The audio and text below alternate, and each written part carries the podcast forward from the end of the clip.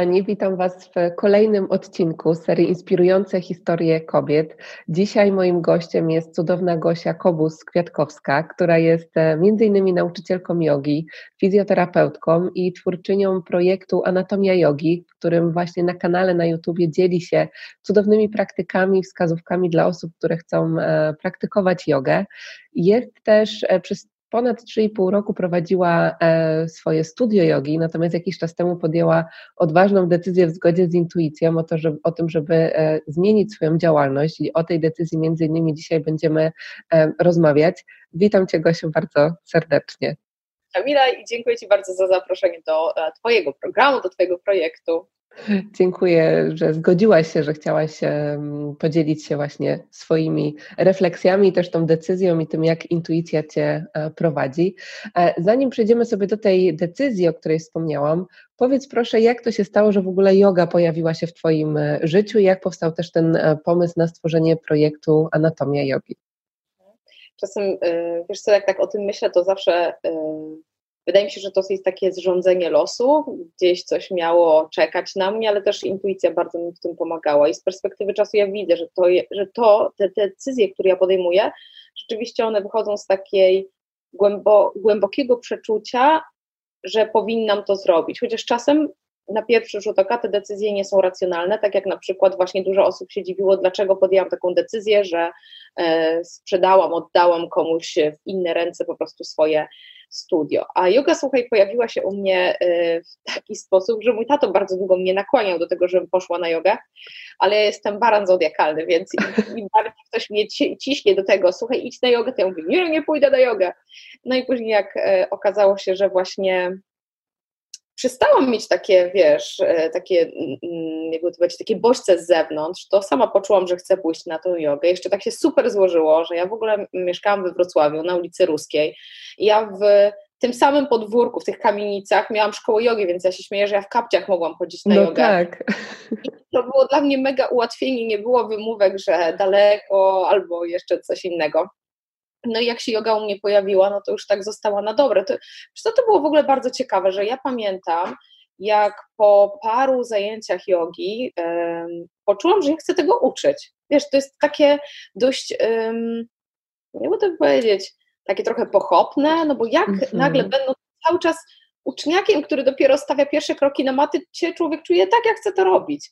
No ale pamiętam to, to że, że pojawiło się to w mojej głowie i ja też bardzo szybko zaczęłam uczyć. E, ja jeszcze właściwie bardzo mi wspomagała wiedza, y, tą, którą wyciągałam ze studiów, bo, bo byłam na, na fizjoterapii na Uniwersytecie Medycznym we Wrocławiu, więc ta wiedza o ciele to było coś, w czym ja siedziałam, że tak powiem, od początku. I to była taka forma, ta yoga była taką formą, powiedzmy, kinezyterapii, czyli terapii poprzez ruch. Mhm. I dość szybko zaczęłam uczyć, mając po prostu tą wiedzę z fizjo, ale też to było takie zrządzenie losu bo ja właściwie przyjechałam na wakacje do siebie, do swojego miasta i nagle się okazało, że o, może poprowadzisz zajęcia jogi, więc to było takie dość spontaniczne, no ale bardzo szybko się w tym odnalazłam i powiem Ci szczerze, że tak jak czasem mi ktoś zadaje pytanie, pamiętam, że kiedyś było takie pytanie, Maciej Wielobów je zadał e, na Facebooku, jaka jest Twoja pasja, e, e, co jest Twoją pasją oprócz jogi? To ja tak po prostu stanęłam przed tym monitorem i tak myślę, jej, chyba yoga jest całym moim życiem, ale ja się w tym mm -hmm. bardzo dobrze mhm. czuję. Oczywiście tak. mam takie malutkie elementy, które gdzieś tam mnie fascynują, ale jednak yoga jest takim miejscem, źródłem, do którego wracam, bo widzę, jak bardzo dużo zmieniła w moim życiu. Także to jest mój taki core, to jest taki mm -hmm. mój dom. Mhm. Yoga jest moim domem. No. Pięknie, czyli gdzieś Cię też y, kierowały też czynniki z zewnątrz i też to Twoje wewnętrzne przeczucie, czyli najpierw e, tutaj tata gdzieś mówił o tym, żeby iść na a, jogę. A, a... Upór, bardzo duży upór. Ja jestem z tych takich, które jak się uprą, to po prostu idę do celu. Mm-hmm. Nie o trupach, ale na pewno jak się uprę, to, tak. to idę do przodu. Mm. Mm-hmm.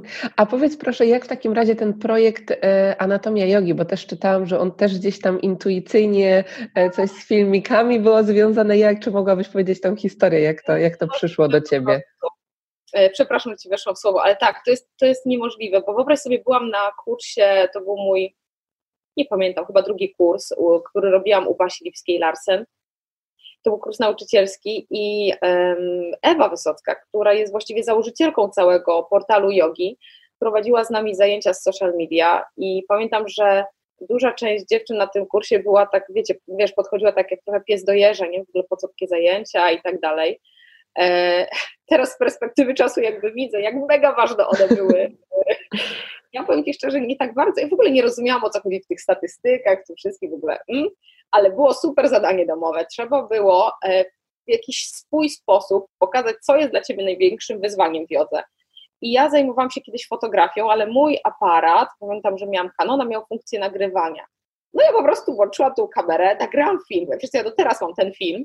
Ja w ogóle, jak patrzę na to, to sobie myślę, że bez, oczywiście, na początku byłam takim brzuchomówcą, czyli tak mówiłam, mm-hmm.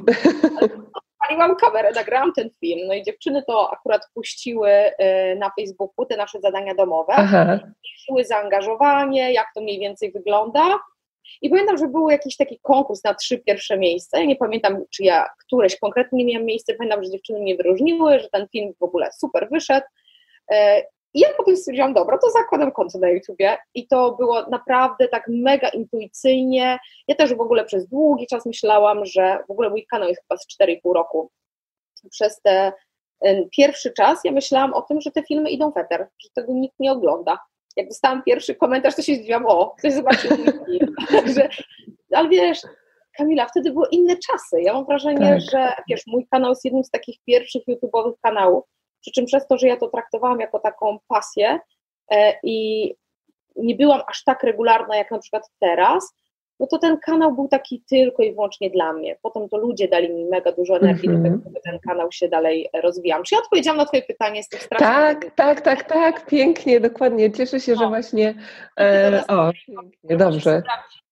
Co tam się dzieje? Dobra, tak. mam nadzieję, że nie przeszkadzał bardzo. Ale pięknie, że właśnie pokazałaś e, tą historię, bo mm, e, dużo osób właśnie, które na pewno też będą oglądały ten wywiad, gdzieś szukają swojej drogi i często jest tak, że właśnie przychodzi do nas jakiś pomysł, czy wszechświat nas po prostu stawia przed, e, przed jakimś, nie wiem, zadaniem, wyzwaniem i tak naprawdę mm, to są wszystkie takie zaproszenia też do tego, żeby nakierować nas na to, co jest właśnie tą taką naszą drogą w życiu. I powiedz mi proszę, czy ty jak, tak się jeszcze zastanawiam, przyszedł do ciebie ten pomysł właśnie stworzenia stworzenia tego kanału na YouTubie, czy miałaś jakiś, nie wiem, strach, wątpliwości, czy to właśnie po prostu poszło tak intuicyjnie, prosto z pasji, jak ten moment, czy, czy go pamiętasz? Ja w ogóle, ja mam takie wrażenie, że ja w ogóle nie myślałam. Okej, okej. Okay, okay. Ja napisałam plusów i tutaj po prostu to zrobiłam. Ja też nie miałam, wiesz Super. co, wydaje mi się, że to jest kwestia osobowości, bo um, nigdy nie brałam pod uwagę, co ktoś powie, Chociaż oczywiście miałam to z tyłu głowy, po prostu robiłam swoje, ale też z drugiej strony tak sobie myślę, że ja od małego brałam udział Enrico. Jest okej, okay. nie, nie słychać aż tak bardzo, także. że od małego brałam udział, wiesz co, w konkursach recytatorskich. Dla mnie to było normalne występowanie na scenie, więc ja się jakoś tam specjalnie tym nie przejmowałam. E, wspominałaś, Gosiu, o tym, że e, yoga jest e, całym Twoim życiem, tak naprawdę, że jest Twoją ogromną pasją. Czy jesteś w stanie powiedzieć, co sprawia, że, że yoga ma tak ogromne znaczenie w Twoim życiu i co też tak naprawdę się w tym życiu zmieniło od momentu, kiedy ona jest całym Twoim życiem? To jest mega dobre pytanie. Wiesz co? Czasem tak jest, że jak się wejdzie na dobrą ścieżkę w życiu, i jak się, wiesz, masz te, te powiedzmy 4-5 dróg przed sobą. I to nie jest wybór bramki 1, 2, 3, tylko masz tych ścieżek trochę więcej. I jak wstępujesz na złą ścieżkę, to czujesz od samego początku, że coś jest nie tak. I wracasz. I wchodzisz w następną, tak, i wchodzisz, bo ja to tak czuję. Tak. Potem wchodzisz w następną ścieżkę. I znowu czujesz, że niby jest już lepiej, ale to nadal nie jest to. I potem, jak wchodzisz na tą ścieżkę, która jest tą właściwą, tak jak było w moim przypadku e, z jogą, to wszystko układa się wręcz idealnie, intuicyjnie, jakby masz wrażenie, że to dzieje się samo. I tak, tak może trochę będę tutaj odchodziła, chociaż na chwilkę od tematu, ale miałam taką niedawno rozmowę z moją znajomą. E, jechałyśmy w aucie, wiesz, jak jest w aucie, to jest zawsze tak intymnie, dobrze się rozmawia tak. i mówię do niej, wiesz, że bardzo się cieszę, że yoga, na jogę trafiłam tak w tak wczesnym wieku, bo miałam 20, raptem 2-3 lata, jakoś tak. I mówię, że wiesz, przychodzi do mnie na zajęcia mnóstwo kobiet, głównie kobiet, które koło 40, są koło 40 i one czują, że one nadal nie robią w życiu tego, co by mm. chciały, że chcą coś zmienić. I tak zdałam sobie sprawę, że ta yoga to jest bardzo ciekawe, że akurat yoga pojawia się w ich życiu i yoga zaczyna zmieniać wszystko. Jakby nawiązuję teraz do tego Twojego pytania, co konkretnie, dlaczego yoga tak zmienia? I wiesz co, to jest bardzo długa, e, długa odpowiedź. Postaram się to powiedzieć w najkrótszym możliwym tego sposobie, ale będę mówiła konkretnie o kobietach, bo jakby kobiety najbardziej uzewnętrzniają się i mówią mi o tak. swoich uczuciach, bo z facetami jest różnie.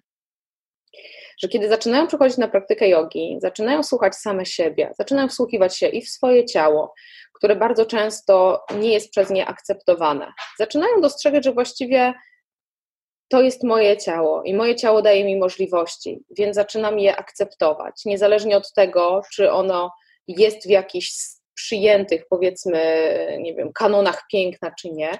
Bo na jodze bardzo często powtarzam, zwłaszcza przed relaksem, mówię, słuchaj, podziękuj swojemu ciału za to, że daje ci te możliwości i za tą praktykę, którą udało ci się wykonać. Później nie dosyć, że kobiety zaczynają akceptować swoje ciała, przez to, że akceptują swoje ciało, zaczynają też inaczej myśleć o tym, jak same ze sobą się czują. Zaczyna, na praktyce jogi również jest bardzo dużo tych elementów, gdzie musimy wczuć się same to, co nas, w nas jest. I nagle bardzo dużo kobiet zaczyna dostrzegać, że halo, ja nie jestem w tym miejscu, w którym chciała być. Albo zaczynają słuchać siebie, swoich oczekiwań i zauważają, że świat, który je otacza, nie tyle nie spełnia ich oczekiwań, co jest daleki od tego, w jakim one świecie by chciały funkcjonować. I tu powiem bardzo taką kontrowersyjną rzecz. Bardzo dużo kobiet, które przychodzi na zajęcia jogi, ja mam potem rozwody. Roz, rozumiem to, bo ja przeżywam to samo i rzucania pracy, i rozwody, i tak. I powiem Ci, ale ja też miałam taką mega zmianę, y, dużą zmianę, że tak powiem, partnera, kiedy weszłam na, na, mhm. na jogi, no bo nagle dostrzegam, kurczę, to nie jest to, y, czego ja chcę od życia. Ja ciągle słyszałam pytanie, czy Ty musisz iść na tą jogę? A ja odpowiadałam, ale ja chcę iść na Dokładnie. tą jogę. To jest różnica, jeżeli wiesz, y, partner Twój albo Twoje środowisko nie akceptuje Twoich wyborów, to zaczynasz się buntować. Przynajmniej ja jestem typem buntownika, więc ja się po prostu buntowałam. Więc praktyka jogi nie dosyć, że uczy akceptować e, nas same, będę mówiła typowo o kobietach, to też daje nam takie głębokie poczucie tego, czego my naprawdę chcemy od tego życia. Ja, się, ja jestem ogromnie wdzięczna od losu, że ja tak szybko trafiłam na, na praktykę jogi, bo ona mi bardzo szybko poustawiała wszystko, e, wszystko w głowie. I co jest bardzo ciekawe, kiedy nasza głowa jest na to gotowa, kiedy my jesteśmy wewnątrz, czujemy, że to, na jakiej ścieżce my się znajdujemy, jest to dobra ścieżka, to wszystko dookoła się układa. I partner, który wokół cie, przy, który przy tobie nagle się znajduje, jest tym idealnym, który, który cię wspiera i, i który daje ci siłę do tego, żeby się rozwijać, bo moim zdaniem jednym z takich kluczowych elementów e, życia w związku jest wzajemne wspieranie się i, i takie motywowanie do, do pójścia dalej, bo jeżeli masz obok siebie taki hamulec, no to nie jest to związek, no ale dobra, to już się robi program taki związkowo-randkowy, a ja bym chciała porozmawiać dalej o tej jodze. Tak, ale to tak. jakby tak jak mówisz, to, to, to się przekłada na wszystkie obszary w naszym życiu i e, jak tak. mówiłaś o tym, o tych, e, jakby jest kilka e, tematów, które właśnie odnośnie tak. tego, co powiedziałaś, chciałabym poruszyć. Pierwszy to jest właśnie to, że jak stoimy przed wyborem pięciu ścieżek, tak, i zawsze ta, którą która nie jest do końca w zgodzie z nami, być może nam się może wydawać na początku, że to jest ta idealna, ale później idziemy i właśnie gdzieś czujemy, spotykamy się z jakimś, nie wiem, oporem, nie czujemy, że to tak właśnie płynie. E, I ty pięknie powiedziałaś o tym właśnie, jak to po prostu wypełniło całe Twoje życie i poczułaś, bo to zaczęło po prostu płynąć.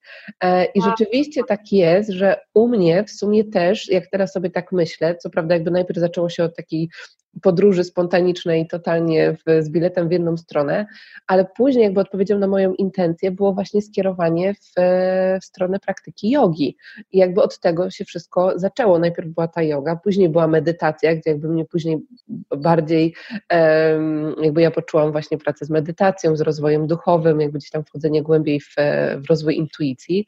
Natomiast tak jak mówisz, to wszystko zaczęło się od, od stricte praktyki jogi i, i to jest niesamowite, że tak naprawdę to jest właśnie ten czas, kiedy my poświęcamy na to, żeby, żeby w ogóle wsłuchać się w siebie i zobaczyć, czy, czy właśnie to, co jest wokół, to jest rzeczywiście to, co jest tutaj, nie? w serduchu. Tak, jeszcze taka jedna rzecz. W momencie, kiedy my zaczynamy praktykować z czyli z wszystkim, co jest fizyczne, a nasze ciało przyjmuje ogromną ilość e, emocji, które są po prostu zatrzymane. Kiedy my zaczynamy praktykować, powiedzmy nad, bo to jest taki rejon, który jest bardzo kluczowy w praktyce jogi, to jest rejon klatki piersiowej. Jeżeli zatrzymujemy tam bardzo dużo uczucia żalu, um, smutku, który gdzieś tam głęboko w nas jest, nagle zaczynamy praktykować, wiesz, wygięcia do tyłu, a tu się okaże, że, że zaraz po wygięciach do tyłu zaczynamy płakać i nie rozumiemy tych emocji, albo kładziemy się w relaksie. Ja przeżyłam coś takiego, kiedy zaczęłam praktykować drugą serię Ashtanga Yogi. Mi nie było smutno, ale ja przez tydzień płakałam. Mhm. Leżałam w relaksie, płakałam. Jechałam w autobusie, pamiętam jak dziś jadę na zajęcia jogi, a ja płaczę w tym autobusie i myślę sobie, co się dzieje, dlaczego ja płaczę. No, ale tak, tak. I to oczyszczanie się pojawiało. Dlatego właśnie nawiązując, e, kiedy zaczynamy praktykować jogę, my zaczynamy pracować nie tylko z tym, co jest teraz, tylko z tym, co też było. Mm. I kiedy mm. zaczynamy nakładać te, te elementy na siebie, tego, gdzie jestem, co się zdarzyło do tego momentu i czy ja jestem zadowolona, wstając rano z tym, w którym miejscu się znajduję, nagle zaczynam to wszystko analizować. I dlatego mam wrażenie, tak dużo osób, które trafia na zajęcia jogi, trafiają nie tylko z tego powodu, że boli ich kręgosłup, tego czegoś szukają w życiu, ale jeszcze nie wiedzą czego. Co jest takiego niesamowitego w jodze, że yoga, jeżeli się na nią wejdzie i naprawdę jest się, jakby to, poczuje się, że to jest ta ścieżka, po prostu ona zmienia życie. I to zmienia życie na, nie mogę powiedzieć, czy na dobre. Ja zawsze mówię, że zmiana jest i dopiero z perspektywy czasu możemy uznać, czy to jest dobra, czy zła zmiana. I kiedyś przyszła do mnie właśnie taka medytacja zmian, którą zresztą nagrałam na YouTubie. To przyszło, to była medytacja, kiedy ja po prostu usiadłam i zaczęłam sobie zadawać dokładnie te pytania, które są w tej medytacji. I pamiętam, że ta medytacja przyszła do mnie w momencie, kiedy ja podejmowałam decyzję na temat tego, czy sprzedać studio. I to jest niesamowite, że to też podpowiedziała mi intuicja, żeby mm. dojść do tego wniosku, że nie ma czegoś takiego jak dobra albo zła zmiana. Zmiana jest. Zmiana jest naturalną konsekwencją. I jeżeli płyniemy z tą zmianą i nie chwytamy się kurczowo jakiegoś elementu w naszym życiu, który mógłby nam dawać jakieś poczucie sensu, tylko po prostu płyniemy, bo może się okazać, że nasze poczucie sensu wcale nie jest tym, co właśnie trzymamy w garści to nagle okazuje się, że to wszystko zaczyna płynąć. Kurczę, no, zaczęłam już czuć, e, zaczyna, zaczęłam mówić tak od serca i czuć e, jakby z perspektywy czasu, jak to wszystko się e, gdzieś tam u mnie działo. Bardzo się cieszę, że mogę teraz o tym z Tobą porozmawiać. Pięknie, tak. I to jest też to właśnie odpuszczanie kontroli, z którym też często mamy właśnie problem, że coś jakby z poziomu ego trzymamy. Wydaje nam się, że nie wiem, że to jest ta droga, czy żyjemy oczekiwaniami właśnie innych. Boimy się tak naprawdę, jakby dla mnie było niesamowite to, jak pracuję z innymi, że często, bardzo często pojawia się strach przed odkryciem siebie, odkryciem tej prawdy, e, bo to będzie się wiązało właśnie ze zmianą wszystkiego do, dookoła, e, czasem o 180 stopni, ale tak jak mówisz, że zmiana po prostu jest i tak naprawdę jakby cały czas jesteśmy e, w, procesie e, zmiany, więc dokładnie. No tak jak mówisz, jakby myślę, że to jest też coś, czego po prostu trzeba doświadczyć, że, że yoga po prostu zmienia życie, bo, e, no bo tak po prostu jest, więc jeśli oglądają nas, będą nam, nas oglądać osoby, które jeszcze nie są na tej ścieżce, to, to mam nadzieję, że to będzie też dla nich taki impuls, żeby być może właśnie gdzieś tam też z Tobą. Może jeszcze zachęcę i powiem, dziewczyny moje drogie i faceci, jeżeli nas oglądacie, pamiętajcie, że nie musicie być super elastyczni, żeby praktykować jogę. Okay? Jakby tą pierwszą rzecz w ogóle rzućmy, tak. a potem sprawdźcie sobie grafik i pójdźcie do zajęcia. Okay? Dokładnie. Tak, bo my sobie wymyślamy mnóstwo tak rzeczy, że już tam oczywiście nie mam czasu za daleko, to jest jedna rzecz, ale druga to właśnie nie jestem e, wystarczająco rozciągnięty e, i tak dalej, i tak dalej. Tak samo miałam nawet po tym, jak e, tańczyłam i przestałam tańczyć, to później sobie zdałam sprawę, co moja głowa wymyślała, że ja już jestem za stara, żeby tańczyć, gdzie miałam, nie wiem, 20, wiesz, tam 4 lata. E, mówię, nie, to to już było jakieś dziecięce w ogóle, wiesz, marzenia i tak dalej. Później tak złapałam, tak, Boże, w ogóle nie, to jakby nie o to chodzi. Chodzi o to, żeby iść za tym, co po prostu czujemy, pragniemy, nawet dla samego, jakby dla samego działania, bycia. Zobacz, jaka ciekawą rzecz poruszyłaś, że pytanie, na ile głosy, które mamy w głowie, są naszą intuicją, a ile my się po prostu sami, samobiczujemy tak. i jak oddzielić to samobiczowanie się od, y, od tych głosów intuicji. To jest bardzo ciekawe, jak jakby w którym momencie, po, w którym momencie możemy zauważyć, że coś jest intuicyjne. I na przykład u mnie to było tak, że ja miałam bardzo ciekawe zdarzenie, tak trochę śmignę w temat y, już. Tak, tak, niech nam płynie. Słuchaj, jak zaczęłam myśleć o studio, o sprzedaży studio, ja byłam po prostu zmęczona. Ja byłam zmęczona y, taką ilością zadań, którą sobie sama narzuciłam. I zaczęłam o tym rozmawiać z Alicją Suchcicką. Ona ma taki nick na Instagramie Yoga Witch. I myśmy się też poznały, ona jest taką czarownicą, no. I myśmy się poznały, ona kiedyś przyjechała na jeden z moich warsztatów, zakumplowałyśmy się, bardzo często u niej spałam w Warszawie i z nią zaczęłam przegadywać ten temat. I pamiętam, że kiedyś jechałyśmy na zajęcia, pamiętam, że byłam w warszawskim metro i mówię do Alicji coś takiego, Alicja, co ja mam zrobić? Czy ja mam tą szkołę sprzedać? I w tym momencie podchodzi do mnie dziewczyna i mówi, słuchaj, tak bardzo mi się podobają twoje filmy na YouTubie, rób to dalej. I Alicja spojrzała i mówi, odpowiedź. I po prostu w tym momencie... Dokładnie. Ona nie zdążyła mi nawet odpowiedzieć. I ta dziewczyna przyszła w tym momencie. Teraz ja mam ciarki, jak o, to, tak. o tym mówię. E, I pomyślałam sobie, tak, to jest po prostu ten znak. I wiesz, i tak wtedy sobie mogłabym powiedzieć, że no akurat mówiłam o tym i akurat podeszła jakaś dziewczyna i powiedziała mi, ale ja wiem, że to była odpowiedź z góry. To była odpowiedź z góry, która tak. przyszła do tak. mnie, czym ja mam się zająć. I słuchaj, cały proces, um, cały proces jakby oddawania studiów, bo cały czas ja myślę o tym w takich kategoriach, wiesz, sprzedać, to sobie można, kurczę, sklep z produktami.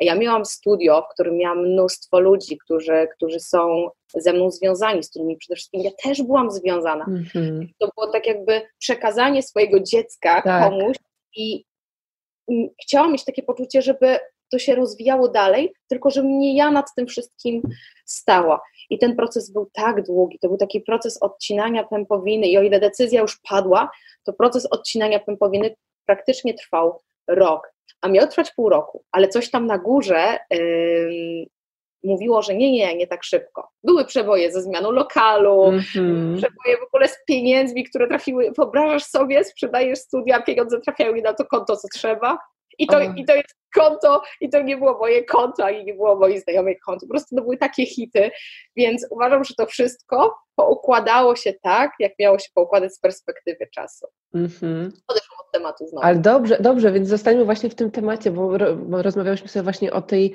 o tych decyzjach, bo najczęściej zadawane pytanie to jest po prostu, jak odróżnić głos intuicji od głosu ego, czy tego strachu. I teraz, jak to mm, u Ciebie było też, czyli przyszedł jakby ten znak e, od tej dziewczyny, która się pojawiła i tak jak mówisz, wszechświat po prostu zawsze mówię, że nie jest przeciwko nam, tylko dla nas, nie? I zawsze te znaki po prostu są, są wokół nas, jeśli je tylko otworzymy na to, żeby je dostrzec. Ale jak wyglądał właśnie jeszcze ten proces podejmowania mm, decyzji u Ciebie? Czy właśnie pojawiały się wątpliwości? Jakie? E, jak, jak też z tym, wiesz, pracowałaś?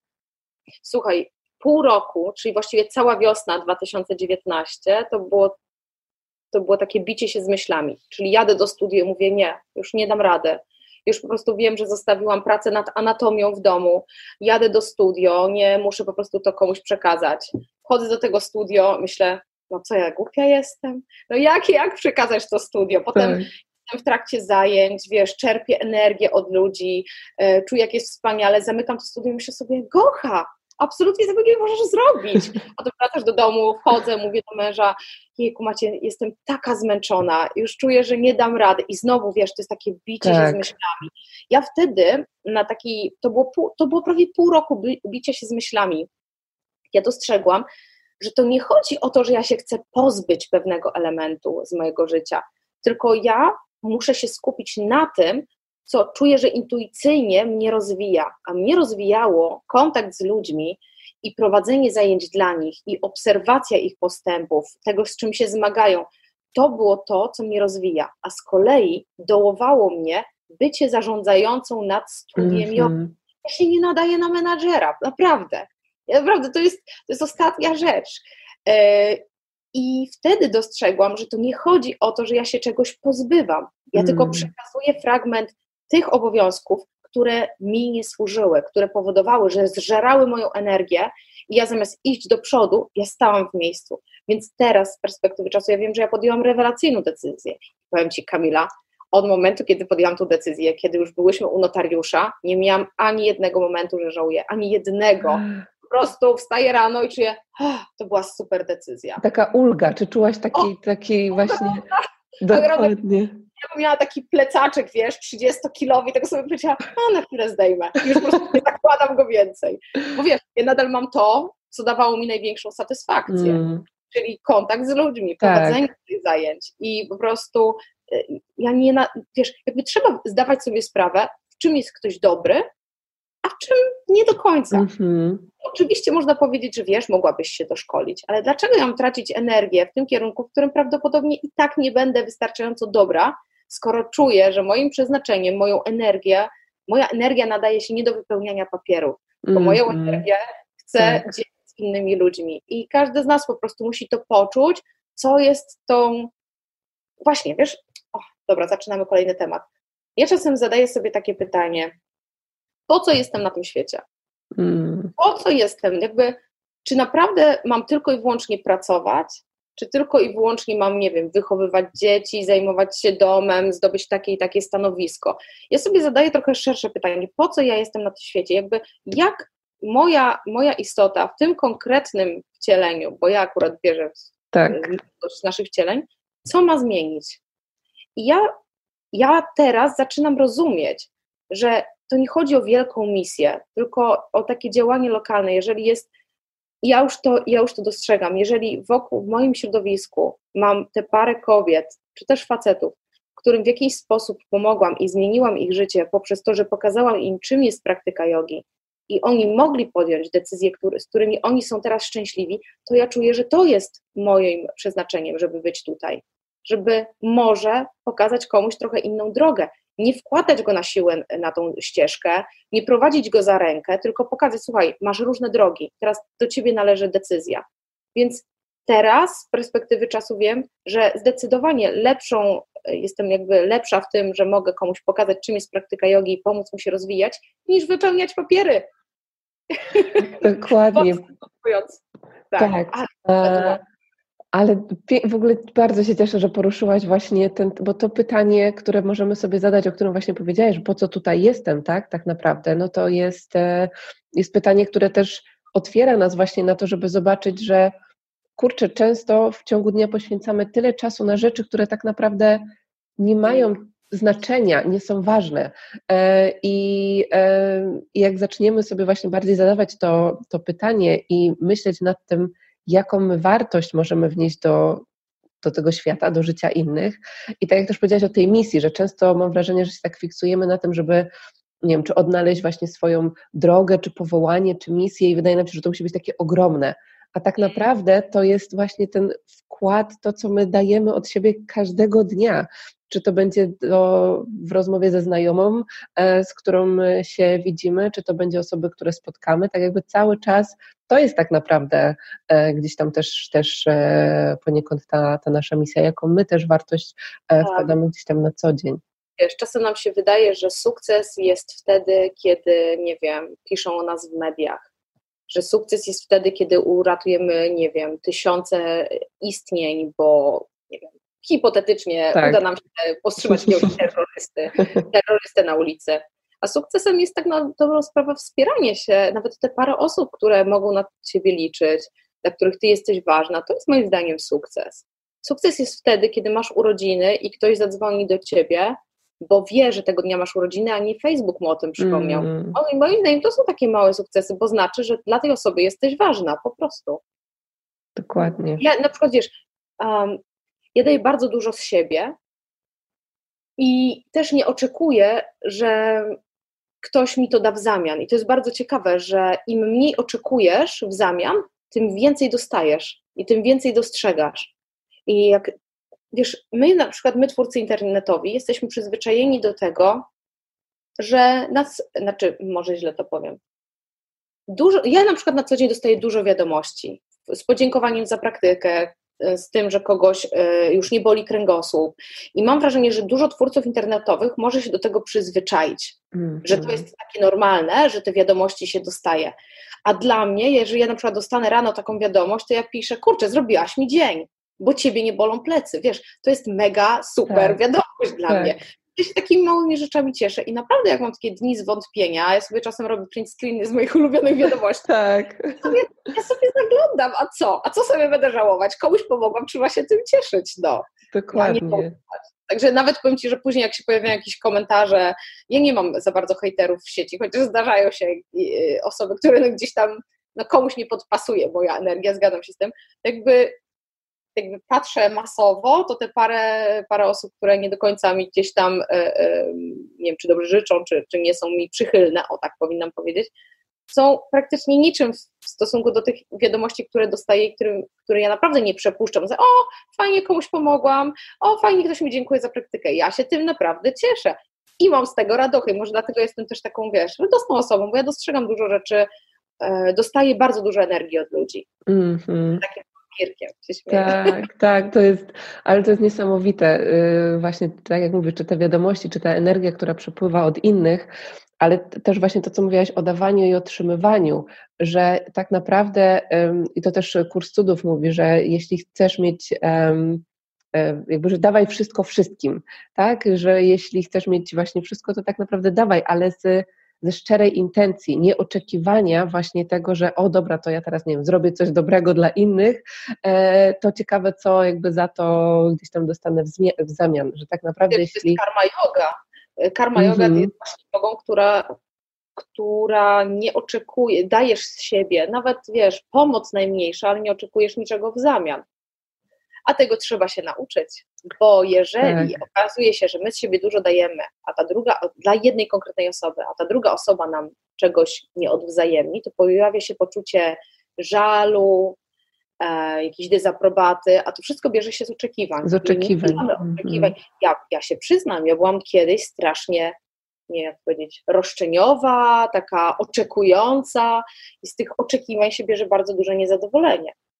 I, i powiem szczerze, naprawdę nauczyłam się braku oczekiwań, kiedy wyjechałam do Indii w, tym, w zeszłym już roku, mm-hmm. bo doszłam do takiego stanu, no trzeba o tym wprost powiedzieć, ja się już, wiesz, to było tuż przed e, oddaniem studia, doprowadziłam się do takiego stanu, że jak patrzyłam w kalendarz i widziałam, że tam jest napisane wylot na Goa, to ja to traktowałam jak każde inne, wiesz, wydarzenie, które po prostu muszę odhaczyć, mm-hmm. bo sobie, no coś jest nie tak i poleciałam na Goa, słuchaj, nie czytając w ogóle planu zajęć, niczego, ja nawet nie wiedziałam, czego mam się spodziewać tam na miejscu.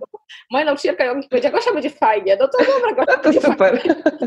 Tak, więc poleciałam bez jakichś większych oczekiwań, tylko sprawdziłam, o której mam być na lotnisku, jak sobie z tym poradzić. I to było dla mnie mega odświeżające, bo wtedy, wiesz, kiedy znalazłam się w tym miejscu, nie wiedząc, jaki jest plan dnia, czegoś spodziewać, to ja się tak mega cieszyłam tym, że ptaki rano śpiewają, mm. że jest mm. ciepło. I to mi naprawdę, to mi dało taki mega, mm, mega duży oddech.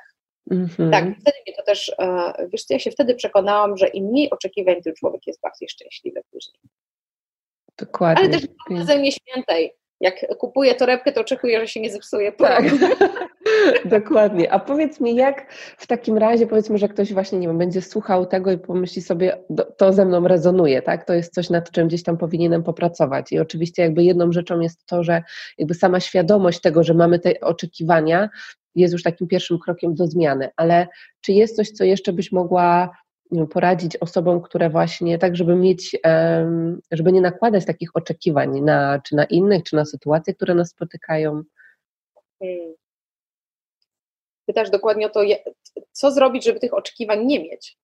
Tak, czy jest coś, czy jest coś, co Tobie pomaga? Czy jest to właśnie, nie wiem, praktyka, yy, czy, czy, masz coś takiego, co Tobie też pomaga właśnie w tym, żeby...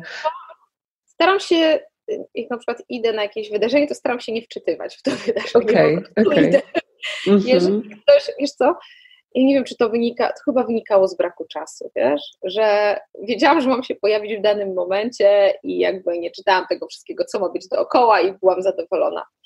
E, nie, tak naprawdę żartuję, nie mam, nie mam takich e, rad. Mi się wydaje, że to, wiesz, to mi to przychodzi po prostu z praktyką jogi, mi to po prostu mm -hmm. Wiesz, jak stajesz na macie rano, to też e, już nie narzucam sobie tego, że o, dzisiaj zrobię drugą serię. Bo aktualnie mierzę się z tym, że jestem sztywna jak kołek, nie?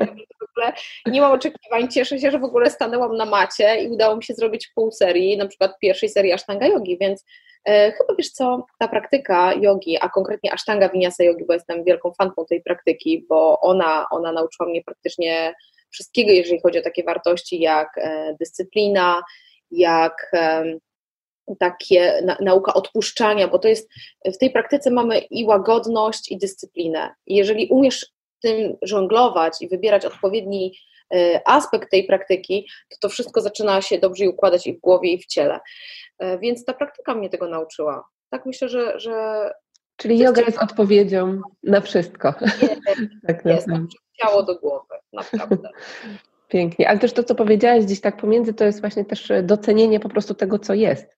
Jak się skupiamy na tym, co jest chyba tu i teraz, to też, no bo te oczekiwania wiążą się z czymś, co będzie gdzieś tam w przyszłości. I to tak naprawdę też jest gdzieś tam głos naszego ego, które wybiega w to, co gdzieś tam będzie, czy właśnie się zastanawiając i tak dalej, a znowu przynosząc gdzieś tam uważność do, do tu i teraz, możemy w pełni po prostu docenić to, co jest i działać E, tak czasem masz, że jak na przykład myślisz o przyszłości, to się zaczynasz obawiać, bo ja tak mam. Jak mm -hmm. zaczynam myśleć o przyszłości, to zaczynam się obawiać, czy podołam, czy na przykład finansowo sobie poradzę, czy na pewno będę zdrowa i będę mogła tak długo praktykować jogę i uczyć tej jogi. I tak jak zaczynam się o tym, e, wiesz, nakręcać, to pojawia się u mnie nie tyle radość z przyszłości, co zmartwienia, więc chyba to też mi daje um, taki bodziec do tego, żeby jednak zostać w tym momencie, w którym jestem i po prostu cieszyć się. Ja jestem mega szczęśliwą w tej chwili osobą i ja sobie zdaję z tego sprawę, że ja sobie na to w jakiś sposób zapracowałam, ale też pozwoliłam sobie na to, żeby być po prostu szczęśliwą i zadowoloną z tego, w którym momencie życia jestem. Tak, też myślę, że to jest normalne dla każdego z nas i ja też za każdym razem, gdzie już gdzieś tam powiedzmy głowa zaczyna wybiegać właśnie w przyszłość gdzieś te wszystkie czarne scenariusze powiedzmy, czy obawy, czy wątpliwości, to zawsze sobie zadaję pytanie, jakby rozglądam się wokół siebie i mówię, że jakby staram się docenić ten dostatek, obfitość, to wszystko, co jest tu i teraz. Mówię, teraz jest ok, więc jeśli teraz jest ok i ja skupię swoją uważność na tym, że teraz jest dobrze, że jestem szczęśliwa, to tak samo będzie w przyszłości, bo my tak naprawdę teraz za pomocą swoich wibracji, uczuć, myśli tworzymy to, czego doświadczymy e, też e, później, więc tak naprawdę właśnie bycie w tu i teraz jest chyba najważniejszą rzeczą, którą... Myśl kreuje rzeczywistość. Jak tak. zaczęłam zdawać z tego sprawę, to mm, się pozmieniało. Wiesz co, to, to będzie hit. Zawsze bałam się że coś nie tak dopilnuję w urzędzie skarbowym i będę miała na lot. I martwiłam się przez pół roku i oczywiście tak było. I oczywiście tak było, dokładnie. Tak, wystawiałam, no to jest długa historia, tak czy inaczej nie miałam NIP-u europejskiego, który mieć powinnam. I po prostu jakby wiesz, gdzieś tam myślami to po prostu przyciągnęłam. I od tamtego momentu zdam sobie sprawę, o mnie kocha, ty się zastanów nad tym, na czym myślisz. I teraz myślę o samych pozytywnych rzeczach. Dlatego ci mówię, że właśnie już przestałam wybiegać w przyszłość, bo jak myślę o przyszłości, to się martwię. Dlaczego ja mam kreować rzeczy, które jeszcze się nie wydarzyły i na przykład jeżeli wiem, że mój umysł ma tendencję do tego, że jak wybiegnę do przyszłości, to będę się martwić, to nie wywołuj wilka z lasu gocha i nie myśl o takich rzeczach, zostań tu i teraz. Tak, więc y, tamte przygody mnie nauczyły, że naprawdę myśl kreuje rzeczywistość. Dokładnie i to jest no, bardzo ważna praktyka znowu, żeby obserwować te swoje myśli. I tutaj znowuż przychodzi do nas praktyka jogi, medytacji. Ja pamiętam e, też moje początki z jogą, gdzie e, najpierw miałam taką właśnie codzienną praktykę, to powiedzmy, powiedzmy było jakieś tam 20 minut w domu, też zaczynałam z jakimś kanałem na YouTubie i później coś się takiego wydarzyło, że przez tydzień tej jogi nie praktykowałam. I tak któregoś dnia stoję w kuchni e, i tak po prostu tak mnóstwo takich negatywnych myśli, do czego już nie byłam przyzwyczajona, bo już jakby gdzieś tam to zaczęło odchodzić. Tak sobie myślę, kurczę, co się wydarzyło, że jakby znowuż te myśli do mnie przyszły. I później tak mnie oświeciło, mówię tak, Boże, yoga, no przecież. E, I że to naprawdę tak, ja to, to, ja to czuję, że jak gdzieś tam nie um, przez, przez jakieś tam rzeczy, które się dzieją, czy natłok pracy, na przykład gdzieś ta praktyka nie jest taka, jaka czuję, że chciałabym, żeby była, e, nawet jeśli chodzi o czas czy, czy o regularność, to bardzo też to odczuwam właśnie nawet w postaci e, myśli, które się pojawiają, więc to, to znowu tak. też W ogóle wiesz co, czasem o tym mówię, że praktyka jogi, ta zwłaszcza poranna, przynajmniej w moim przypadku to się najlepiej sprawdza, to nie jest tylko i wyłącznie to, że staniesz na macie i się porozciągasz. E, praktyka jogi moim zdaniem odblokowuje e, Nasze, nasze ciało jest w ogóle, yy, można powiedzieć, no, zbudowane z mięśni, z kości i tak dalej, ale to wszystko jest energią, która przechodzi przez nasze ciało. I kiedy ja czuję, że ja nie praktykuję jogi, to tworzą się w moim ciele zastoje. Więc ta poranna praktyka jogi jest po prostu takim ruszeniem na tamie, żeby tam mhm. ta woda się nie blokowała, żeby ta energia płynęła dobrze. Jeżeli, moim zdaniem, jeżeli energia w naszym ciele płynie w sposób prawidłowy, ciągły, to nie ma zastojów. Jak nie ma zastojów, to nie ma tych takich nawracających, upierdliwych myśli, które do ciebie przychodzą, że, że a może coś będzie nie tak, a co się, jeżeli zdarzy się taka rzecz. Więc ta praktyka jogi mi na przykład bardzo dobrze układa y, wszystko w głowie na cały dzień. I kiedy nie mam porannej praktyki, to czasem czuję taką irytację. Mm -hmm. tak, to, tak. Ja... To nie o to, że wiesz, zła na siebie, tylko czuję, że gdzieś tam pod skórą czegoś zaczyna mi brakować. Tak, co, coś, coś po prostu tam wewnętrznie podpowiada, nie? że czegoś te, te, te, też to odczuwam i często dostaję też pytanie, jak na przykład, co zrobić, żeby być regularnym właśnie, czy w tych porannych rytuałach, bo ja też jestem wielką po prostu fanką porannych rytuałów i, i to gdzieś też nastraja um, mój dzień. I ja zawsze mówię, że spróbuj sobie przez tydzień a później, czy, czy przez tydzień, czy przez, nie wiem, 10 dni, a później przestań to robić na kilka dni i zobaczysz różnicę i sama będziesz chciała do tego wrócić. I, i to, tak. to, to tak jak właśnie mówisz, że gdzieś tam ta pojawia się, e, u Ciebie to jest irytacja, u, u mnie na przykład właśnie te gdzieś tam myśli bardziej negatywne e, i, i znowuż to jest też chyba taka samoświadomość, nie? co dla nas jest najlepsze, co nam pomaga zachować ten, ten dobry poziom, przepływ energii tak naprawdę i po, pomóc nam w tym, żebyśmy byli połączeni sami ze sobą. Mhm. Ty wiesz co, tak z poziomu energetycznego, to i w jakiś sposób płynie energia w naszym ciele, ma niesamowite przełożenie na naszą psychikę. Mm. To jest, na przykład zerknijmy, wiesz, ja tak sobie zawsze patrzę na osoby, które są gdzieś tam na macie i przychodzą i ja widzę w ciele, gdzie jest jakiś zastój, albo gdzie jest ktoś na przykład odcięty emocjonalnie od jakiegoś regionu ciała. W ogóle nie ma świadomości tego, gdzie są jego stopy, albo co się dzieje z miednicą. I nagle zaczynamy pracować z tym rejonem, nagle się okazuje, że jakaś energia się odblokowuje, to osoby zaczynają w ogóle inaczej się poruszać, zaczynają inaczej się poruszać, zaczyna się w ogóle zmieniać ich, ich stan umysłu i na przykład potrafią podejść po praktyce jogi i powiedzieć, je, wiesz co, dzisiaj naprawdę poczułam e, stopy. I nagle się okazuje, że okej, okay, czyli jeżeli poczułaś stopę, to prawdopodobnie byłaś odcięta od swojego fundamentu. Mm. Są takie różne aspekty, które gdzieś ta nasza praktyka jogi, nasza czy każdej osoby z, yy, z osobna, powoduje, że zaczynamy naprawdę integrować te, te aspekty na poziomie fizycznym, emocjonalnym, takim intelektualnym i ta praktyka jogi naprawdę nas rozwija. No to takie wyszło mi podsumowanie. Tak, ale to jest piękne, bo często y, gdzieś tam sprowadzamy, może no nie często, ale gdzieś tam na początku przynajmniej osoby, które zaczynają praktykować, tak czuję, że tylko do tej sfery fizycznej, a tak naprawdę, tak jak mówisz, to jest, jest dużo głębiej wszystko to, co się dzieje, właśnie te, te emocje, które są zblokowane, nawet też to, o czym mówiłaś, o tym płaczu, ja tak samo pamiętam, że po którejś, po którejś e, już e, lekcji, e, zajęciach jogi podeszłam do nauczycielki, to akurat wtedy była kundalini, ale w międzyczasie chodziłam też na, mm, czy na sztangę, czy na, na waniasę, i już po prostu i za każdym razem kończyłam płaczem. Już mówię tak, kurczę, co to tak ma być? Jakby po każdej, po każdej praktyce się płacze.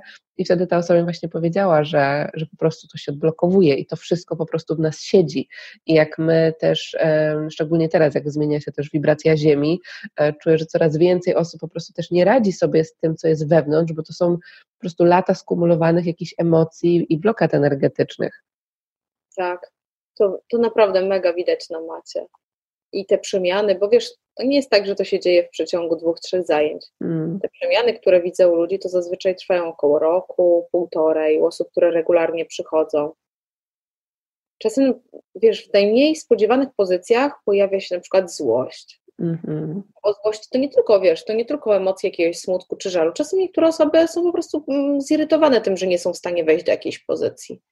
I teraz pytanie, czy nie forsują się za bardzo w życiu, czy nie narzucają sobie za dużo, To, to tak. na macie, wiesz, w praktyce asan, czyli czymś, co jest tak fizyczne, naprawdę widać e, i charakter, i, i to, jak sobie niektóre osoby nie radzą z pewnymi emocjami. Więc ja w ogóle, wiesz co, tak zaczęłam się zastanawiać, czy yoga w ogóle, czy nauczyciel jogi, oprócz tego, że zna doskonale fizyczność, czy nie powinien jednocześnie być na przykład e, przeszkolony pod względem psychoterapii?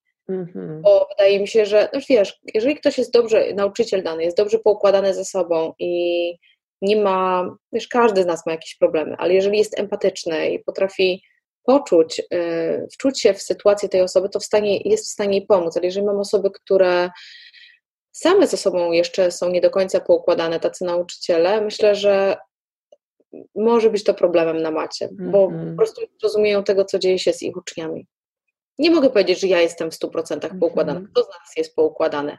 Ale to, to, co wydaje mi się, że jest e, jednym z moich takich atutów, to jest to, że ja i potrafię słuchać, ale też z mowy ciała bardzo dużo odczytuję, czy ktoś jest dzisiaj napięty, czy jest wszystko w mhm. porządku, wchodziły e, babeczki na salę i ja mówię, o, chyba coś dzisiaj poszło nie a wiesz, w pracy mnie zdenerwowali. Ostatnio właśnie znajoma przyszła na zajęcia, akurat ja wychodziłam, mówię, Jula, wiesz co, jakaś taka napięta jesteś, coś ci nie pasuje. A ona, wiesz, katar mam i nie mogła praktykować, więc od razu okay.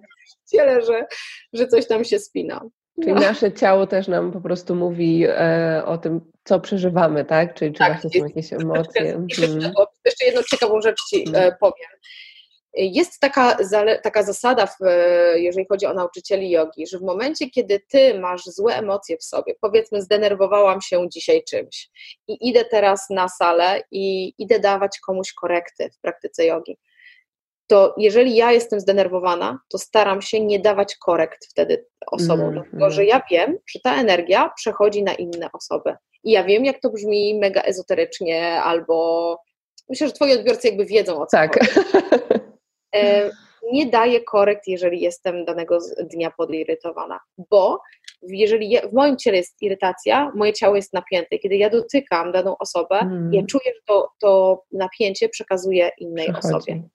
Więc to naprawdę można odczuwać. Tak samo czasem miałam takie wrażenie, że kiedy miałam y, daną grupę i dawałam dużą ilość korekt, wiesz, byłam na maksa poświęcona, na przykład y, byłam na maksa skupiona na jednej osobie i ta jedna osoba miała jakiś dzisiaj konkretnie problem, to ja wracam i ja czuję, że w moim ciele to zostało. Tak jakbym ja mm.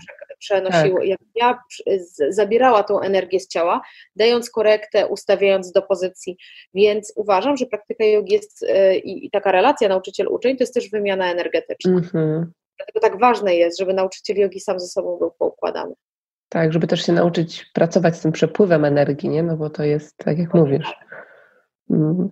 Takie ciekawe, wiesz, ja nie za bardzo, nie za często mówię o energetyce, bo mój kanał i cała anatomia jogi opiera się na, na somie, na fizyczności i wiem, że ludzie tego na początku poszukują. Ale ja w głębi wiem, że to, o czym ja mówię, pod względem anatomicznym ma to przełożenie na energetykę. Tyle, że nie chcę, wiesz, od razu wyskakiwać e, z energetyką do osób, które zaczynają. Wiesz, jak zaczynałam e, prowadzić swoje studio i przychodziły do mnie osoby z innych miejsc, mówiły, wiesz Gosia, bo ty to jesteś taka normalna, z tobą to normalnie można porozmawiać, nie masz długich włosów hippie i nie mówisz o energii. No ja, ja, ja wiesz, ja sobie wtedy zdałam sprawę, jakby mogłabym mówić, ale tego nie robię. Jakby Dokładnie. Wiem, trzeba być na tym i ja muszę być na to gotowa, że mogę do kogoś e, o czymś takim mówić i ta osoba musi być gotowa na to, żeby mógł mówić o energetyce. Dokładnie, to jest... Jeżeli e, ty mówisz bardzo dużo o intuicji, o energii, o, o tym wszystkim, co jest e, nienamacalne poprzez nasze zachodnie szkiełko i oko. Jeżeli nasz, nasza rozmowa trafi na osoby, które są naprawdę wychowane tylko i wyłącznie w takim, że no, jeżeli coś widać, to znaczy, że to jest, mm -hmm. może być uznawane za nawiedzone. tak, już różne spotkałam się, nawiedzone, kosmitki yy, i tak. inne takie rzeczy. taki, taki kit, mój tato przez moich znajomych w liceum miał ksywę Voodoo Man, więc... Ale to no. też wiesz, w energetyce ja się wychowałam w takim domu, więc mm -hmm było to dla mnie. Od, od zawsze. Tak, więc y, właśnie nawiązując jeszcze do, do, do tych y, energii, na początku, jeżeli ktoś do mnie przychodzi, jeszcze nie do końca wie, czego chce, ale już czuje, że potrzebuje coś zmienić w swoim życiu, to ja chcę być taka normalna i nie chcę latać z tymi włosami hippie, tak. bo wiem, że na każdego przyjdzie pora, żebym ja też mogła mówić o energetyce. A na razie skupmy się na mięśniu, gdzie ma ciągnąć.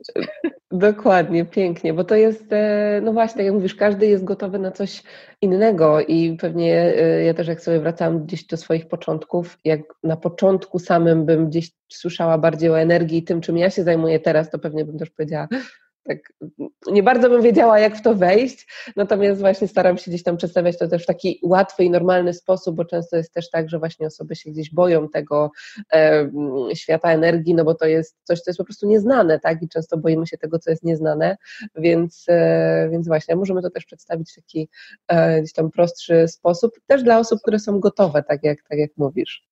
Weź, tak już to czasem jak yy w ogóle już czuję się z Tobą tutaj, jakbym w ogóle siedziała z koleżanką na kawę. Dobrze, o to chodzi.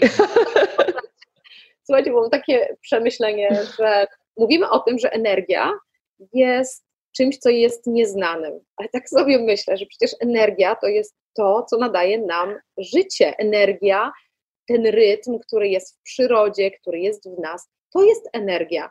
My nie jesteśmy nastawiani, wiecie, jak zegarek, który trzeba nakręcić, wytyka się i koniec to wszystko my rezonujemy z energią Ziemi, z energią y, miejsca, które nas otacza. Tak. Wiesz, y, na przykład jak to jest, że poprzez praktykę jogi budzi się intuicja i odczuwanie energetyczne? Ostatnio miałam taką sytuację, przyjechałam do mm, jednego z ośrodków, do, do którego jeżdżę, to jest biorezydencja w Świeradowie. I rozmawiałam właśnie z właścicielem, który pokazał mi taką piękną, starą szafę. Ona miała setki lat, była z zakrystii jakiegoś kościoła, który był tam niedaleko. I dotknęłam tą szafę i mówię, Wojtek, ile na tej szafie jest energii. Mówię, wiesz, zawsze jak jestem w takich miejscach starych, to staję sobie, zamykam oczy i wyobrażam sobie, jakby jak toczyło się życie wokół. Mm. Jak, jak, e, jak to kiedyś było. E, I mówię, że czasem szczytuję jakby, że to jest takie dziwne, nie? Ale czasem szczytuję energię danych miejsc. I mówię do niego, wiesz Wojtek, bo ostatnio jak byłam w tym domku obok i tam byłam na masażu, to ja wyczułam, że w tym miejscu jest tak strasznie, że tam mieszkała jakaś starsza osoba, która miała w sobie strasznie dużo żalu i smutku. -hmm. Mówię, ty wiesz kto tam mieszkał? A on, wiesz Gosia, naprzeciwko mieszkała jeszcze, były dwie siostry i żyły ze sobą jak Karol z Pawlakiem. I ta kobieta była samotna i do końca one się, życia one się nie pogodziły. I zobacz, myślisz sobie, no kurczę, no jaka energia, nie ma energii na świecie, a wchodzisz do miejsca i ty czujesz energię osoby, która tam żyła 100 lat temu, no przecież to zostaje. Każdy z nas ma coś takiego, znaczy każdy z nas, nie mogę tak mówić za wszystkich, ale wydaje mi się, że mamy coś takiego, że wchodzimy w relację z daną osobą i czujemy super, po prostu jak magnes się przyciągamy, a czasem przychodzisz i mówisz, nie zbliżaj się do mnie na dwa metry, bo w moim biopolu mi tutaj przyjdziesz. Dokładnie ja, tak. Do widzenia, do widzenia. Ja tak miałam w studio, wiesz, jak przychodziła osoba, z którą od razu od wejścia czułam, że jest coś nie tak, ja nic, ja naprawdę byłam miła, ja nic nie robiłam, ale ta osoba po jednych zajęciach już nie wracała. Już nie wraca. Ja uważam, że jeżeli my zaczynamy dobrze odczytywać energię osób, mm -hmm. które są wokół nas, albo energię miejsc, to zaczynamy jakby rezonować z tym miejscem. Albo zobacz, dlaczego wchodzimy, szukamy, powiedzmy, ale się rozgadam, wchodzimy i szukamy domu, w którym chcemy zamieszkać, kupujemy mieszkanie. Wchodzimy do tego mieszkania i przecież nie, nie kierujemy się głównie tym, że mamy okna od zachodu. Bo co te okna od zachodu boku? No, kupisz sobie rolety, masz problem z bańki. Ale wchodzisz i czujesz, to jest to miejsce, tak, tu mi się podoba, albo wchodzisz, o nie, nie, coś mi się tutaj nie podoba. Przecież to jest energia, więc jakby ciężko tak. e, odcinać się od tego, że, że energia jest wśród nas, bo my jesteśmy energią, rezonujemy z tą energią dookoła, więc jest... jeżeli ktoś mówi do nas, że my mówimy o energii, jesteśmy nawiedzone, to myślę, że to jest tego rodzaju nieświadomość albo ignorancja tego, w jakim świecie żyjemy. Tak, o Jezu, tak się cieszę, że poruszyłyśmy ten temat, bo e, pewnie byśmy mogły tak długo, długo, ale właśnie tak, no, tak, tak, jak, tak jak mówisz, że e, nawet odnośnie miejsca, ja pamiętam jak teraz szukałam miejsca do wynajmu właśnie w Warszawie, przeprowadzając się do Warszawy i weszłam do miejsca, które gdyby były zdjęcia, wcześniej widziała zdjęcia, to bym powiedziała, że w życiu. Nie ma w ogóle, wiesz, um, opcji, lokalizacja ok, ale weszłam, po prostu nie potrafiłam powiedzieć, po prostu mówię, czuję, tak, jakby czu, czu, czuję, że to jest to.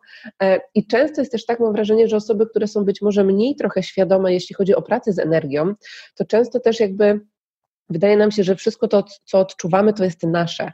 Czyli, że nie wiem, to jest nasz, właśnie tak jakby ktoś był w tym miejscu i nagle mógłby czuć jakąś, jakiś żal, niepokój, e, czy wchodzimy do jakiegoś miejsca, czujemy się dobrze, czujemy się źle, bo tak naprawdę to, to nie, nie zawsze musimy to nazywać energią, tylko właśnie jakimś przeczuciem, a tak naprawdę jest coś więcej, tak? To, jak my się czujemy, może zależeć od tego, kim się otaczamy, w jakim miejscu jesteśmy, e, jaką energię ma właśnie to miejsce. I myślę, że to też, ta jakby świadomość tego pomaga nam też właśnie w zarządzaniu swoją energią, pytaniu się, czy to, co ja teraz czuję, czy te emocje, to one są moje, czy one w ogóle tak. może nie należą do mnie, bo tylko może, nie wiem, przeżywa je teraz moja mama, albo spotkałam się ze znajomą, która była zestresowana i ja po prostu gdzieś energetycznie też pozwoliłam na tą e, wymianę. Także no to też... To, to jest bardzo ciekawe, bo czasem słyszę, znaczy wiesz, jakby ja już myślę, że jeżeli ktoś nas tutaj słucha, ogląda, to jakby już wyczuł moją energię. Ja mam taką dość żywotną energię. Tak. Dużo osób, które przychodzą do mnie na zajęcia, mówią, Gosia, ja do ciebie przychodzę, bo ja się tak zawsze naładuję. I ja wiem, że ja daję dużo takiej pozytywnej energii, we mnie jest coś takiego i czasem sama potrzebuję pójść do osoby, która by mnie w ten sposób naładowała. Tak. Szukamy, mi się wydaje, że my podświadomie szukamy osób. To nie chodzi o to, że my jesteśmy wampirami energetycznymi, tylko przebywanie w energii danej osoby potrafi nas po prostu ładować. Tak. I właśnie to, nawiązując jeszcze do tego, o czym rozmawialiśmy na samym początku, do czego człowiek jest stworzony, a do czego nie, to ja mam takie wrażenie, że to dzielenie się moją energią, którą w sumie nie wiem skąd ja ją biorę, dzielenie się tą energią jest czymś, co jest między innymi tym moim clue, dlaczego ja tutaj jestem. Bo mhm. ja naprawdę no, te zasoby gdzieś tam cały czas mam. Tak. A to tak już bardzo indywidualnie poleciałam. Ale a propos, a propos energii. Zobacz, dlaczego to mnie ostatnio tak zaczęło zastanawiać. Mamy dwie osoby, które gdzieś tam działają w internecie. Przedstawiają dwie takie same wartości. Powiedzmy, że promują biznes w social media dają te same wartości i do jednej osoby ludzie lgną, a do drugiej nie mogą się przebić. Z mm. czego to wynika? Z energii, którą tak na dobrą sprawę nawet czujesz przez ten monitor. Skąd tak. to się bierze? Nie mam pojęcia. Dokładnie. Ale się bierze. Dokładnie, pięknie. Ojej, cieszę się bardzo, e, że, że tak popłynęłyśmy właśnie w te tematy. Wierzę, że e, Zresztą czuję, że coraz więcej osób jest zainteresowana, jakby budzi się też i, i, i szuka odpowiedzi, i cieszę się, że tak naprawdę zaczynamy też coraz otwart, bardziej otwarcie mówić o tych tematach, o, o temacie rozwoju duchowego, też o energii, e, bo, bo wiem, że też osoby, które jakby są w tym, nie jakby nie zawsze mają właśnie przestrzeń do tego, żeby, żeby gdzieś nawet się wyrazić czy porozmawiać, także, także cieszę się, tak. O, jeszcze tak na koniec chciałam jedną rzecz. Był taki dokument, on był na Netflixie, on się nazywał Insaye. Nie wiem, czy go mm. widziałaś. Nie, nie, muszę zobaczyć. Insaye, może damy gdzieś linka w opisie, Jasne. jeżeli on będzie dostępny. To jest rewelacyjny film, który mówi o tym właśnie, że my jesteśmy częścią tej takiej energii, na, y, świata, który nas otacza, który jest stworzony z energii. I tak na dobrą sprawę, my w tej chwili oderwaliśmy się od tego świata, przestaliśmy tykać razem z tym zegarem, który nas otacza. I to, o czym mówimy, jakbyśmy mówili, że my szukamy tej energii, że tak na dobrą sprawę my wracamy do źródła. I myślę, że w, na przestrzeni tych dziejów, które nas tutaj otaczały na Ziemi, jesteśmy w takim kluczowym momencie, gdzie myśmy się oderwali od, właściwie te jeszcze naście lat temu, żebyśmy byli oderwani od energii Ziemi, mm. od tego, jaka energia wokół nas, jak ta energia wokół nas tętni. I teraz jest taki reunion, to się mówi, tak? Tak, tak. Do tej energii. Mm. I super, że my się zaczynamy y, na to budzić. Zobacz, że jest coraz więcej ruchów takich proekologicznych. Tak. Moim zdaniem to jest przejaw tego, że my zaczynamy rezonować z energią Ziemi, zaczynamy czuć halo, na Ziemi coś się dzieje nie tak. Jeżeli na Ziemi, na ziemi będzie się działo nie tak, również w nas będzie się działo nie tak. Mm. I bardzo się Wszystko cieszę, jest połączone. tak, że my zaczynamy w końcu wracać do, do tego rezonowania z Ziemią, bo w sumie ta Ziemia wpływa na nas tak samo, jak my wpływamy na Ziemię. Dokładnie, pięknie, bo no właśnie, wszystko jest połączone. Nie ma, że jesteśmy, ja jestem oddzielna od, od ciebie, czy od ziemi, czy od energii, tylko to wszystko jest tak naprawdę jednością, wszystko pięknie um, przepływa. kochana, czy na koniec e, jakbyś się mogła podzielić takimi trzema rzeczami, które dla osób, które szukają swojej e, drogi w życiu, na podstawie też swojego doświadczenia. I jakie są takie trzy najważniejsze dla Ciebie mm, rzeczy, które im by mogły też e, pomóc? Mhm. Odetnij od siebie ludzi, którzy Ci nie sprzyjają. Mm. To jest pierwsza rzecz. Jeżeli czujesz, że po rozmowie z daną osobą ktoś Ci obciął skrzydła, a nie zadmuchał żagle, to się odetnij. Mm-hmm. Nie chodzi tu o to, żeby zostać pustelnikiem, ale głęboko wierzę w to, że wokół nas są osoby, które rezonują na tej samym poziomie energetycznym i popchną cię do przodu. To jest pierwsza rzecz. Druga rzecz, słuchaj głosu intuicji. I ta intuicja może się przejawiać nawet w tym, że dzisiaj wstałaś rano i usłyszałaś konkretne zdanie od danej osoby i zacznij pracować z tym zdaniem, bo prawdopodobnie to zdanie usłyszałaś w tym momencie, w którym miałaś je usłyszeć. I jeżeli dostrzegłaś je właśnie dzisiaj, a jeszcze trzy miesiące temu jego nie dostrzegłaś, to znaczy, że coś do Twojej intuicji tarło i trzeba zacząć z tym pracować. A trzecia rzecz, trzeba, wiesz, e, mówię już do tej osoby konkretniej, musisz poczuć się dobrze z samym sobą, żeby móc dawać też energię innym. Więc jeżeli chcesz się rozwijać, zacznij od siebie, zacznij od mhm. słuchania tego, co jest w tobie, żeby później móc rezonować z całą resztą i żeby dawać też tą energię innym, bo ta energia wraca. Takie trzy razy. Cudownie, pięknie. Oczywiście znowuż poczułam całą sobą e, przepływ. E, powiedz mi, Gosiu, gdzie osoby mogą Cię znaleźć, które by chciały z Tobą e, praktykować i, e, i być też w Twojej społeczności? Moi kochani, Zapraszam na mój Instagram. Na Instagramie jestem na Instastory. Nawijam do Was tak jak ja tutaj teraz. Bo na filmach jestem bardziej taka, ludzie mnie że jestem taka pro i taki trochę brzuchomówca kiedyś, nie? Więc taką gochą y, możecie się ze mną spotkać na Instagramie. Y, na YouTubie, słuchajcie, daję mnóstwo no, bezpłatnej wiedzy na temat praktyki jogi, więc tam możecie znaleźć mnóstwo merytorycznej wiedzy. E, jeżeli chcecie ze mną tak być bardziej, wiecie, in touch to Instagram. I najważniejsze, możemy się spotkać na warsztatach, które organizuję w całej Polsce. Więc jeżeli macie ochotę troszeczkę poczuć mojej energii, tak. to zapraszam, możemy razem popraktykować. Jak wejdziecie na moją stronę anatomiajogi.pl, to tam znajdziecie wszystkie wyjazdy, spotkania i mam nadzieję, że zobaczymy się na żywo. Cudownie, super. Ja też mam nadzieję, że my się zobaczymy na żywo. To... Dokładnie. Dziękuję Ci pięknie. Jeszcze jedna rzecz, tak. a propos energii. Czujesz, że właśnie mamy to connection? Tak. To jest to. Takiego connection, żebyście spotykali takie osoby, które Was rezonują. Dokładnie. Dzięki, papa.